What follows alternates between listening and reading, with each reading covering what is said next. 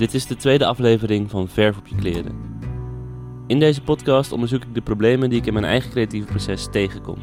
In andere woorden, ik ben iets aan het maken, dan is er iets waar ik tegenaan loop en dan ga ik mensen interviewen die er meer verstand van hebben dan ik. Deze aflevering gaat over de grens tussen fictie en werkelijkheid. Wat is het effect van persoonlijke ervaringen in je kunst verwerken? En hoe zet je de grens tussen dat wat echt is en dat wat verzonnen is op spanning? En als je autobiografische kunst maakt, hoe zorg je er dan voor dat het niet saai of aanstellerig wordt?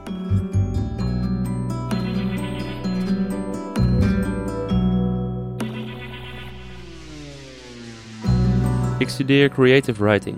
Dat is een schrijfopleiding aan de Kunstacademie in Arnhem. Op mijn opleiding kreeg ik les in autobiofictie. Ik moest een fictief, literair verhaal schrijven dat was gebaseerd op iets autobiografisch.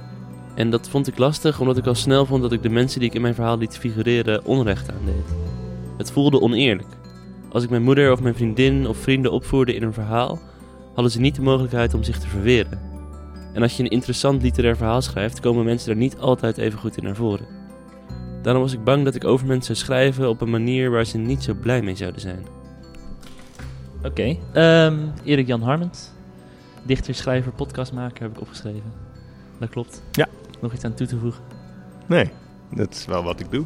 Erik Jan Harmens was mijn docent voor dat vak. Hij heeft als schrijver en dichter al behoorlijk wat gepubliceerd, maar in zijn laatste paar boeken is zijn stijl behoorlijk veranderd. Dat komt omdat Erik Jan lange tijd, zoals hij het zelf noemt, een rock'n'roll leven heeft geleefd. Dat ik uh, uit de melkweg kwam na een optreden, dat iemand met de auto langs reed en zei: Ik ga naar Brussel en dan stap je gewoon in of zo. Dat gevoel. Op het gegeven moment ging dat leven niet meer. Erik Jan scheidde van zijn vrouw en stopte met drinken. In principe was alles verloren Mhm. in mijn leven. Dus uh, dat klinkt heel dramatisch, maar het was gewoon even zo: van, uh, ik had geen huwelijk meer, ik had geen drank meer, ik had geen geld meer. Um, en ik woonde in een staakerven. Uh, en in die staakerven schreef ik de dichtbundel Open Mond. Dus die schreef ik in nuchterheid in een staakerven. En toen kreeg ik na tien maanden eindelijk een huis.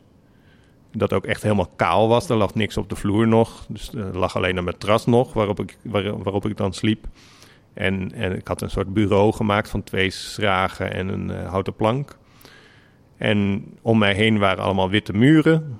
En toen schreef ik Hallo Muur. Hallo Muur is het eerste boek uit een reeks van twee sterk autobiografische boeken. Erik Jan geeft zichzelf helemaal bloot. Hij schrijft over zijn alcoholisme en de gevolgen daarvan. Het hoofdpersonage in zijn boek heet ook Erik Jan en maakt vrijwel exact hetzelfde mee als Erik Jan in de werkelijkheid heeft meegemaakt. Het is een literair autobiografisch werk. Dat wordt in vaktaal autofictie genoemd. Uh, autofictie is eigenlijk het samenpakken van autobiografisch schrijven en fictie schrijven. En dit ligt op de grens van die twee dingen. En waar die grens precies ligt, weet ik niet. Uh, maar ik zie het maar eigenlijk zo dat je uh, een autobiografisch verhaal schrijft volgens de wetten van een literair verhaal. Dus het is geen dagboek. Het is gewoon een literaire vertelling die dus moet voldoen bijvoorbeeld ook aan de wetten van de suspense, de spanningsopbouw. Uh, en ook uh, dat bijvoorbeeld de motieven van de personages kloppen. En dat de schrijver, in dit geval dan de student, kan dus nooit zeggen: Ja, maar Erik Jan, zo is het echt gebeurd, dus het is goed. Zo werkt het dus niet. Ik kan dan dus tegenwerpen van: Nee, nee, het moet geloofwaardig zijn. Dus de motieven moeten geloofwaardig zijn. Dus of er iets nou echt gebeurd is, is niet eens het belangrijkste. Het gaat er gewoon om dat het een goed verhaal is. Ja. In dit geval zijn dan, is dat gebaseerd op iets autobiografisch. Maar de, de schrijver heeft gewoon de vrijheid om daarin ingrepen te doen en, uh, en het, uh, ja, dingen weg te laten wat, wat ten goede komt aan de vertelling. Dus. Een verhaal moet autobiografisch, maar zeker ook literair zijn. Dat betekent dat je niet zomaar alles wat je hebt meegemaakt op papier neer kan zetten en uit kan geven. Je moet er wel vorm in aanbrengen. In Hallo Muur zit een scène waarin Erik Jan Harmens, het personage, in de eitunnel uit een taxi stapt. Dat is niet echt gebeurd, geeft Erik Jan, de schrijver, toe. Ik ben wel eens uit een taxi gestapt, omdat ik me niet lekker voelde. En, weet je, dus toen moest die taxi stoppen, alleen het was niet in de eitunnel. Ja. Maar ik vond het mooi in het verhaal als het in de eitunnel zou zijn. Omdat je dan door die tunnel terugloopt en daar rijden allemaal auto's vlak langs. En dat beeld vond ik gewoon heel mooi. En ik heb me ook wel heel vaak afgevraagd in de eitunnel van laat ik eens uitstappen. Snap je? Dus, dus zo kom ik zeg maar tot een uiteindelijk uh, ehm, werkwijze waarvan ik denk dat kan ik eh, accepteren of zo. Dat vind ik acceptabel. Van, het is niet echt zo gebeurd, maar het had wel heel goed zo gebeurd kunnen zijn. Ja. En het is in principe niet jokken over iets groots. Ik bedoel, ik schrijf in Hallo Muur heel erg over eh, de dood van mijn vader. Ja, daar zou ik nooit over liegen of zo, snap je? Die is natuurlijk gewoon echt dood. En ook Ja. op die manier of zo. Dat vind ik helemaal niet kiezen of zo, om daar een alternatieve werkelijkheid voor... eh, dat zou ik niet vinden kunnen of zo. Dan ben ik gewoon de lezer aan het belazeren. Ja. Maar met zoiets met een taxi in een tunnel denk ik, ja, dat is het prima. Er niemand die daar last van heeft. En nog een voorbeeld is bijvoorbeeld dat ik drie keer van mijn vrouw ben gescheiden. Mhm. Ja, dat vond de redacteur gewoon ongeloofwaardig. Dus daar hebben we gewoon één keer van gemaakt. Hm. Snap je? Ja. Dat vond ik wel heel bijzonder, omdat, je, ja, omdat het wel echt zo gebeurd was. Maar dat zou gewoon niemand geloven. Maar daar, dan is, is de werkelijkheid is dan eigenlijk ongeloofwaardig. Ja. Ja. Het werd ook een beetje saai, weet je wel. Van, oh, weer bij elkaar, weer uit elkaar. Maar ja, de werkelijkheid werd ongeloofwaardig. Ja, dat klopt, ja. ja. Wanneer je autobiografisch te werk gaat, bevind je dus eigenlijk op een moeilijke scheidslijn. Je hebt een verantwoordelijkheid naar de werkelijkheid en vooral naar de mensen in die werkelijkheid. Over grote dingen mag je niet liegen. Maar als je alles precies zo opschrijft als het is gebeurd, dan is het vaak niet interessant of spannend genoeg. Ja, dus er zijn, ik bedoel, ik, ik heb een periode eh, gehad waarin ik heel veel manuscripten las van, eh, zeg maar, ongevraagde manuscripten las. En daarin zie je heel vaak dat gebeuren, dat het dus een soort eh, uitgespuwde, uitgebraakte taal is van iemand die gewoon alles van zich af heeft geschreven, wat hij persoonlijk heeft meegemaakt.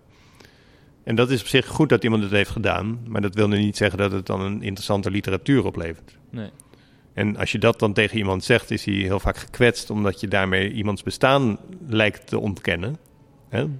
Dat is in principe niet wat je doet. Ik snap natuurlijk die gekwetstheid wel heel goed, maar in principe is het gewoon saaie literatuur, maar wel heel louterend als leven of zo, snap je? Ja. Ehm, dus, maar dat, ja, dat gebeurt heel vaak. En wat je dan dus moet doen, is je, is je tekst eh, redigeren als een baas. Je moet gewoon redigeren als een baas heel eh, streng zijn. Net zo streng als je zou zijn op een fictievertelling. Dus je moet je eigen autobiografische vertelling aan dezelfde wetten onderwerpen. Eh, dus de wetten van de suspense en, de, eh, en het, het uitdiepen van de personages en Ja. de chronotoop, tijd en ruimte en dat soort dingen. Al die elementen moet je toepassen op dat autobiografische verhaal. En dat vinden mensen soms moeilijk om te zeggen: ja, maar dit is echt gebeurd. Dat is totaal geen argument. Snap je? Ja. Dat is helemaal niet interessant. Nee. Het verhaal moet goed zijn. Het verhaal moet goed zijn. Het verhaal dat ik schreef tijdens het vak van Jan werd saai en nietserig. Ik schreef gewoon op wat er gebeurd was, zonder spanning in het verhaal aan te brengen, zonder me aan de wetten van de suspense te houden.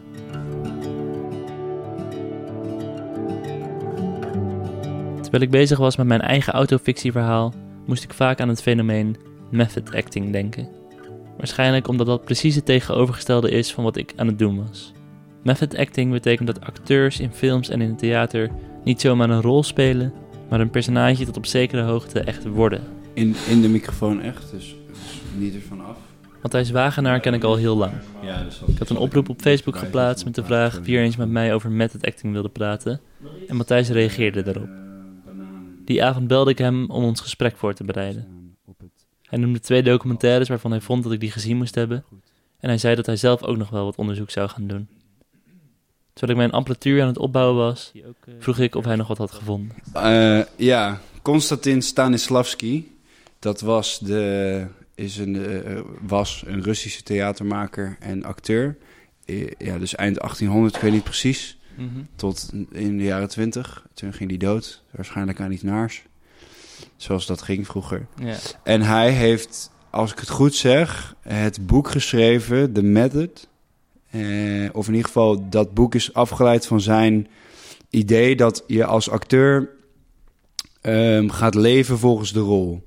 Dus je gaat niet, je gaat wel vanuit jezelf, maar je laat jezelf eigenlijk los. En je treedt in de voeten van de rol die je gaat spelen. Eh, omdat hij dat ziet als de taak van de acteur om, eh, om, da- om dat te doen, omdat je dan het beste de rol kan overbrengen. Omdat je jezelf aan de kant zet en dus zelf niet meer op het podium aanwezig bent, tussen haakjes. Matthijs zit vol met voorbeelden van acteurs die in bepaalde films iets bijzonders hebben gedaan. Acteurs die zich helemaal in een rol verliezen. Zoals Christian Bale, die voor zijn rol in De Machinist zoveel gewicht is verloren dat je zijn ribbenkast kon zien. Of Heath Ledger, die voor zijn rol als Joker bijna als kluizenaar ging leven, omdat hij zich zo diep in zijn personage inleefde. En Leonardo DiCaprio in zijn eh, in eh, What's Eating Gilbert Grape. Omdat hij als jongen van, nou ja, wat was hij? 16 of zo. Naar eh, instellingen ging voor gehandicapte kinderen. En daar ging kijken hoe zij zich gedroegen. En hoe ze leefden. En daarmee in gesprek ging om te kijken hoe dat... En dat die rol is ongekend goed. En dat het hem zo lang heeft moeten duren voordat hij een Oscar won, is mij een raadsel. Maar goed. Maar wat fascineert je dan meer? Dat het feit dat ze zo ver gaan of het resultaat, uh, dus de, de rol uiteindelijk, zeg maar? Die nou, het is de combinatie. Het, is, het fascineert mij dat, dat doordat zij zo ver gaan, dat er zo'n resultaat uitkomt. Ik zou dat nooit doen. Ik vind het, dat, vind, dat lijkt me heel heftig, omdat je, je raakt je, zeg maar, je kan jezelf wel kwijtraken met jezelf. Laat mhm. staan dat als je ervoor kiest om in iemand te duiken die jij helemaal niet bent. Dat is super, dat lijkt mij super intens en uh, om daarvan terug te komen lijkt mij heel moeilijk. You want me not to tell you what I really feel? Yes. Oh, so you want? Okay. Yes. All right. That's that's what I need to know then. All right, then I won't tell you my concern. You know, I just want to be supported. I mean, if I want to choose to do something, you should support me. I mean, I don't, I don't understand why you're always negative. And. In Jim en Andy een van de twee documentaires die Matthijs mij had aangeraden, zie je hoe Jim Carrey zich verliest in de rol van komiek Andy Kaufman. Hij moest hem spelen voor een biografische film. En daarin gaat Jim Carrey wel heel erg ver. Om Andy Kaufman te worden, wordt hij ook echt Andy Kaufman. Jim Carrey blijft de rol vasthouden. Ook als de camera's uitstaan. Hij is zo diep in Andy Kaufman gedopen. Hij, hij, wist al heel veel van hem. En hij is er nog dieper ingedoken. Hij heeft met zijn vader gepraat. Hij heeft met iedereen uh, die hem kende gepraat. Hij is er helemaal in opgegaan. En uh, hij heeft daarna een heel erg uh, heel veel dingen meegemaakt en was helemaal disturbed. En die docu laat eigenlijk zien hoe anders hoe, hoe hij zo'n andere persoon kon zijn op de set en hoe moeilijk die was op de set. Terwijl dat bij Jim Carrey over het algemeen niet het geval is, als je andere regisseurs mag geloven. Um, maar dat hij gewoon verdween als mens. En dat hij, wat hij zelf ook zegt, dus ik ging zitten en Andy kwam aan en die zei: Ik, ik doe de rol wel. Ja, hij zegt ook, uh, volgens mij. Uh, if it's so easy to lose Jim Carrey, then who the hell is Jim Carrey? Ja. Dus hij, hij wordt echt Andy Kaufman. En, en Jim Carrey is ook echt verdwenen, heb ik het idee, in die tijd. Precies, en dat vind ik dus wat, wat mooi dat ze daarop focussen in, in die docu. Is dat, dat is dus het psychologische effect dat met het kan hebben, denk ik. Hij verdween ook in de typetjes die Andy Kaufman deed. En er was dan één typetje, Ron nog wat. Dat is een hele nare, racistische man. Tony, Tony Clifton, toch? Ja. dat weer iemand anders? Ja, dat was die, die guy met die handlebar mustache. Ja, volgens mij heet die Tony Clifton. Ja, kan wel. Ja. Ik heb, het is lang geleden dat ik die dook heb gezien, maar het had heel veel impact. Ehm, maar in ieder geval dat hij dan uh, met een zak over zijn hoofd in zijn onderbroek naar de set kwam. Maar dan was hij al die guy. Alleen hij kon zichzelf dus niet aankijken omdat hij Jim Carrey was. Maar dat klopte niet. Zeg maar. Tenminste, dat haal ik uit wat ik, wat ik zie. Het wordt niet expliciet genoemd, maar dat idee wekt het bij mij op. Ik denk, oh, dat is heftig. En dat pas als hij in de make-up was geweest, dat hij dat kon doen. En dat hij echt een lul was en dat mensen niet met hem wouden werken op die manier. Ja. En dat hij Andy zo goed na kon doen. Dat, mensen, dat de vader van Andy Kaufman naar de set is gekomen om met hem te praten. En het gevoel had dat hij met zijn zoon in gesprek was.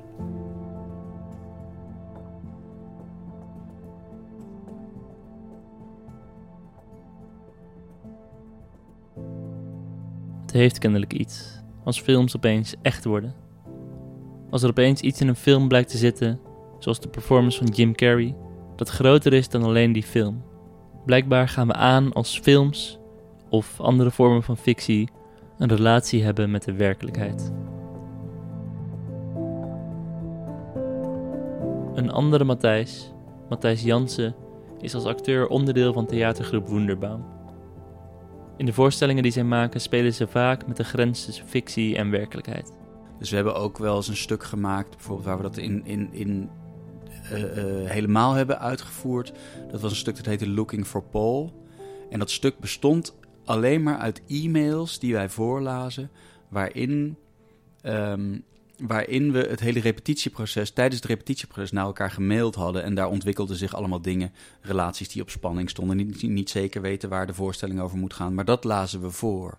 En dat was allemaal van tevoren gescript. En we wisten heel goed, en we hebben nog nooit zoveel plezier gehad in het Mhm. maken van iets, maar we deden alsof we knallende ruzie hadden. en die, en, maar er was het publiek, over het algemeen, als die naar, daarna zaten te kijken, dan geloofden ze helemaal dat het een theatergroep in crisis was. Ja.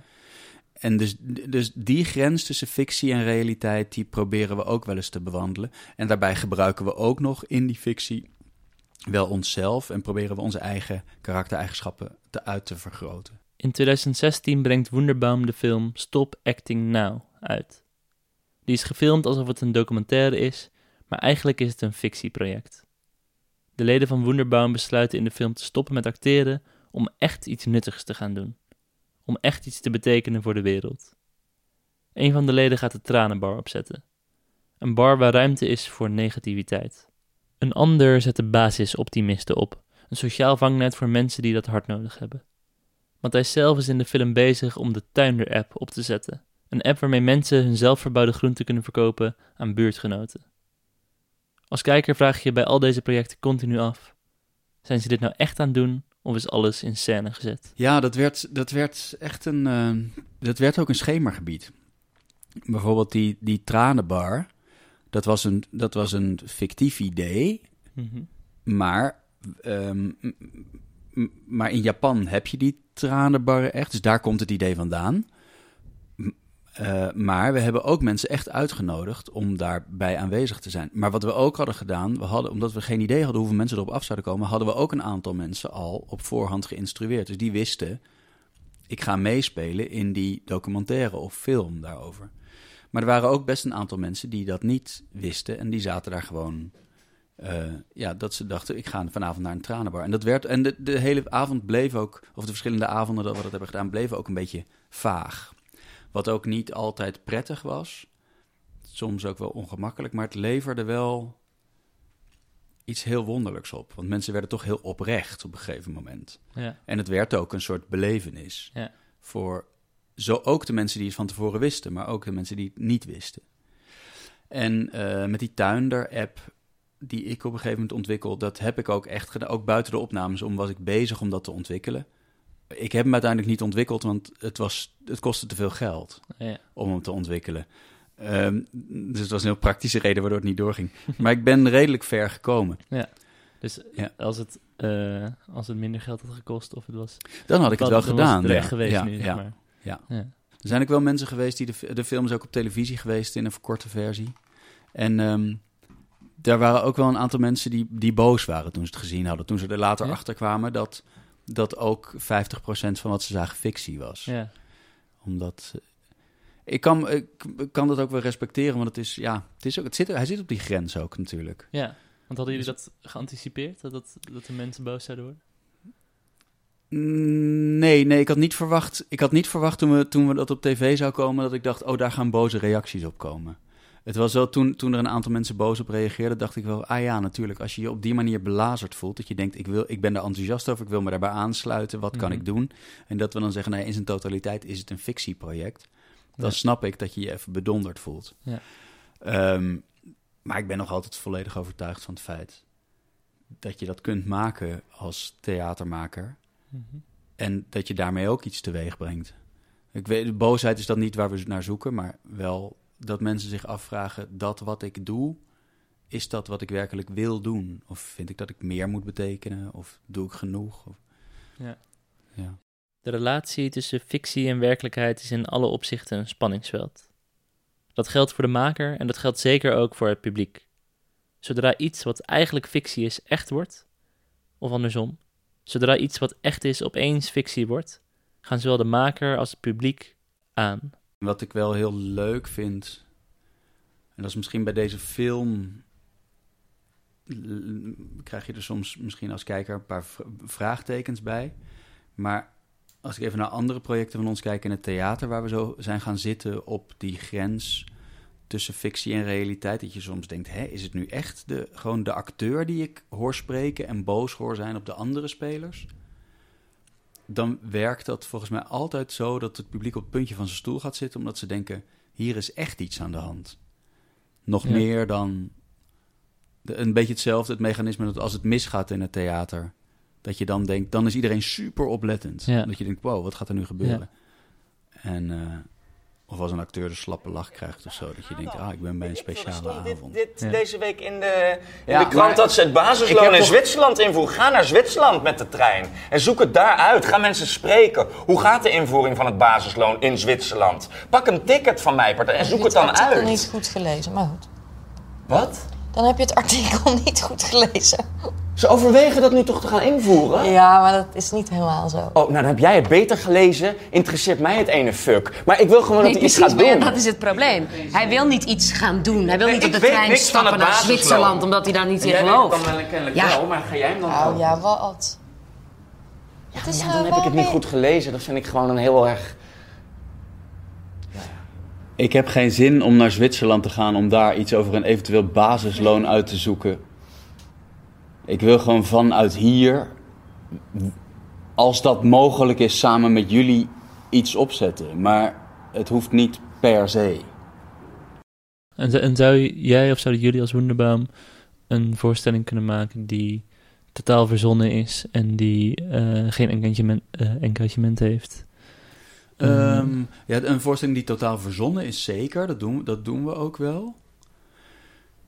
En het, ik denk wat ons, wat, wat ons gemeenschappelijke drijfveer is, dat we toch altijd proberen om erg, dat wat er is, ook al is het in een totale fictieve situatie, ook al zouden we een oud Grieks stuk nemen, dat zullen we misschien niet zo snel doen, maar stel dat we dat zouden doen, dan, dan, dan hebben we automatisch direct de gesprekken, zoals denk ik alle kunstenaars, maar dan heb je direct het gesprek, wat betekent dat nu? Of hoe kan ik dat nu plaatsen? Dat betekent niet dat je het in die vorm hoeft te spelen van nu, maar je probeert het toch altijd te relateren aan, aan dat wat er op dit moment aan de hand is in de wereld. Daarom vond ik het, vond ik ook het meest problematisch dat zo'n aantal jaar, ik geloof dat het zeven of acht jaar geleden was, dat er zo werd gezegd dat de, de kunsten geen connectie meer met de maatschappij hadden. Ja, Ik, dat, dat is volgens mij per definitie larikoek, omdat iedereen denkt er... Er is geen enkele kunstenaar die gaat zitten met, in kleermakers zitten en dan denkt... Nu komt er een gro- grote wolk en die vertelt iets heel moois of zo. Er is niemand die zo denkt. Ik vind, vind ik dat een hele rare aanname geweest, dat die connectie er niet was. het begint altijd in de, in de werkelijkheid wel, toch? Ja, of je probeert toch je probeert te relateren aan dat wat je ziet. Of al is het jouw belevingswereld. En die belevingswereld kan, ja, die kan kloppen in het plaatje van iemand anders of niet kloppen in het plaatje van iemand anders. Maar als die niet klopt, betekent het niet dat het niet relevant is. Nee. Dat is een ernstige beschuldiging, vind ik.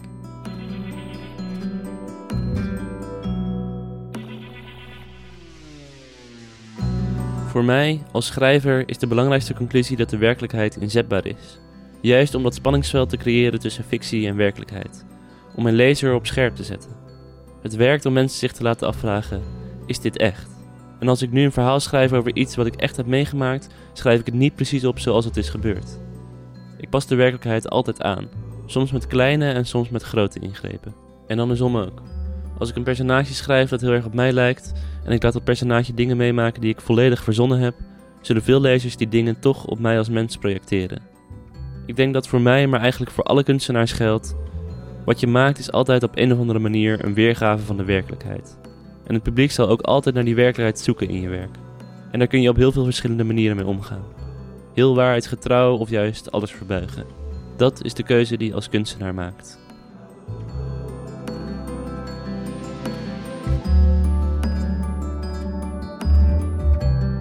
Dit was de tweede aflevering van Verf op je kleren.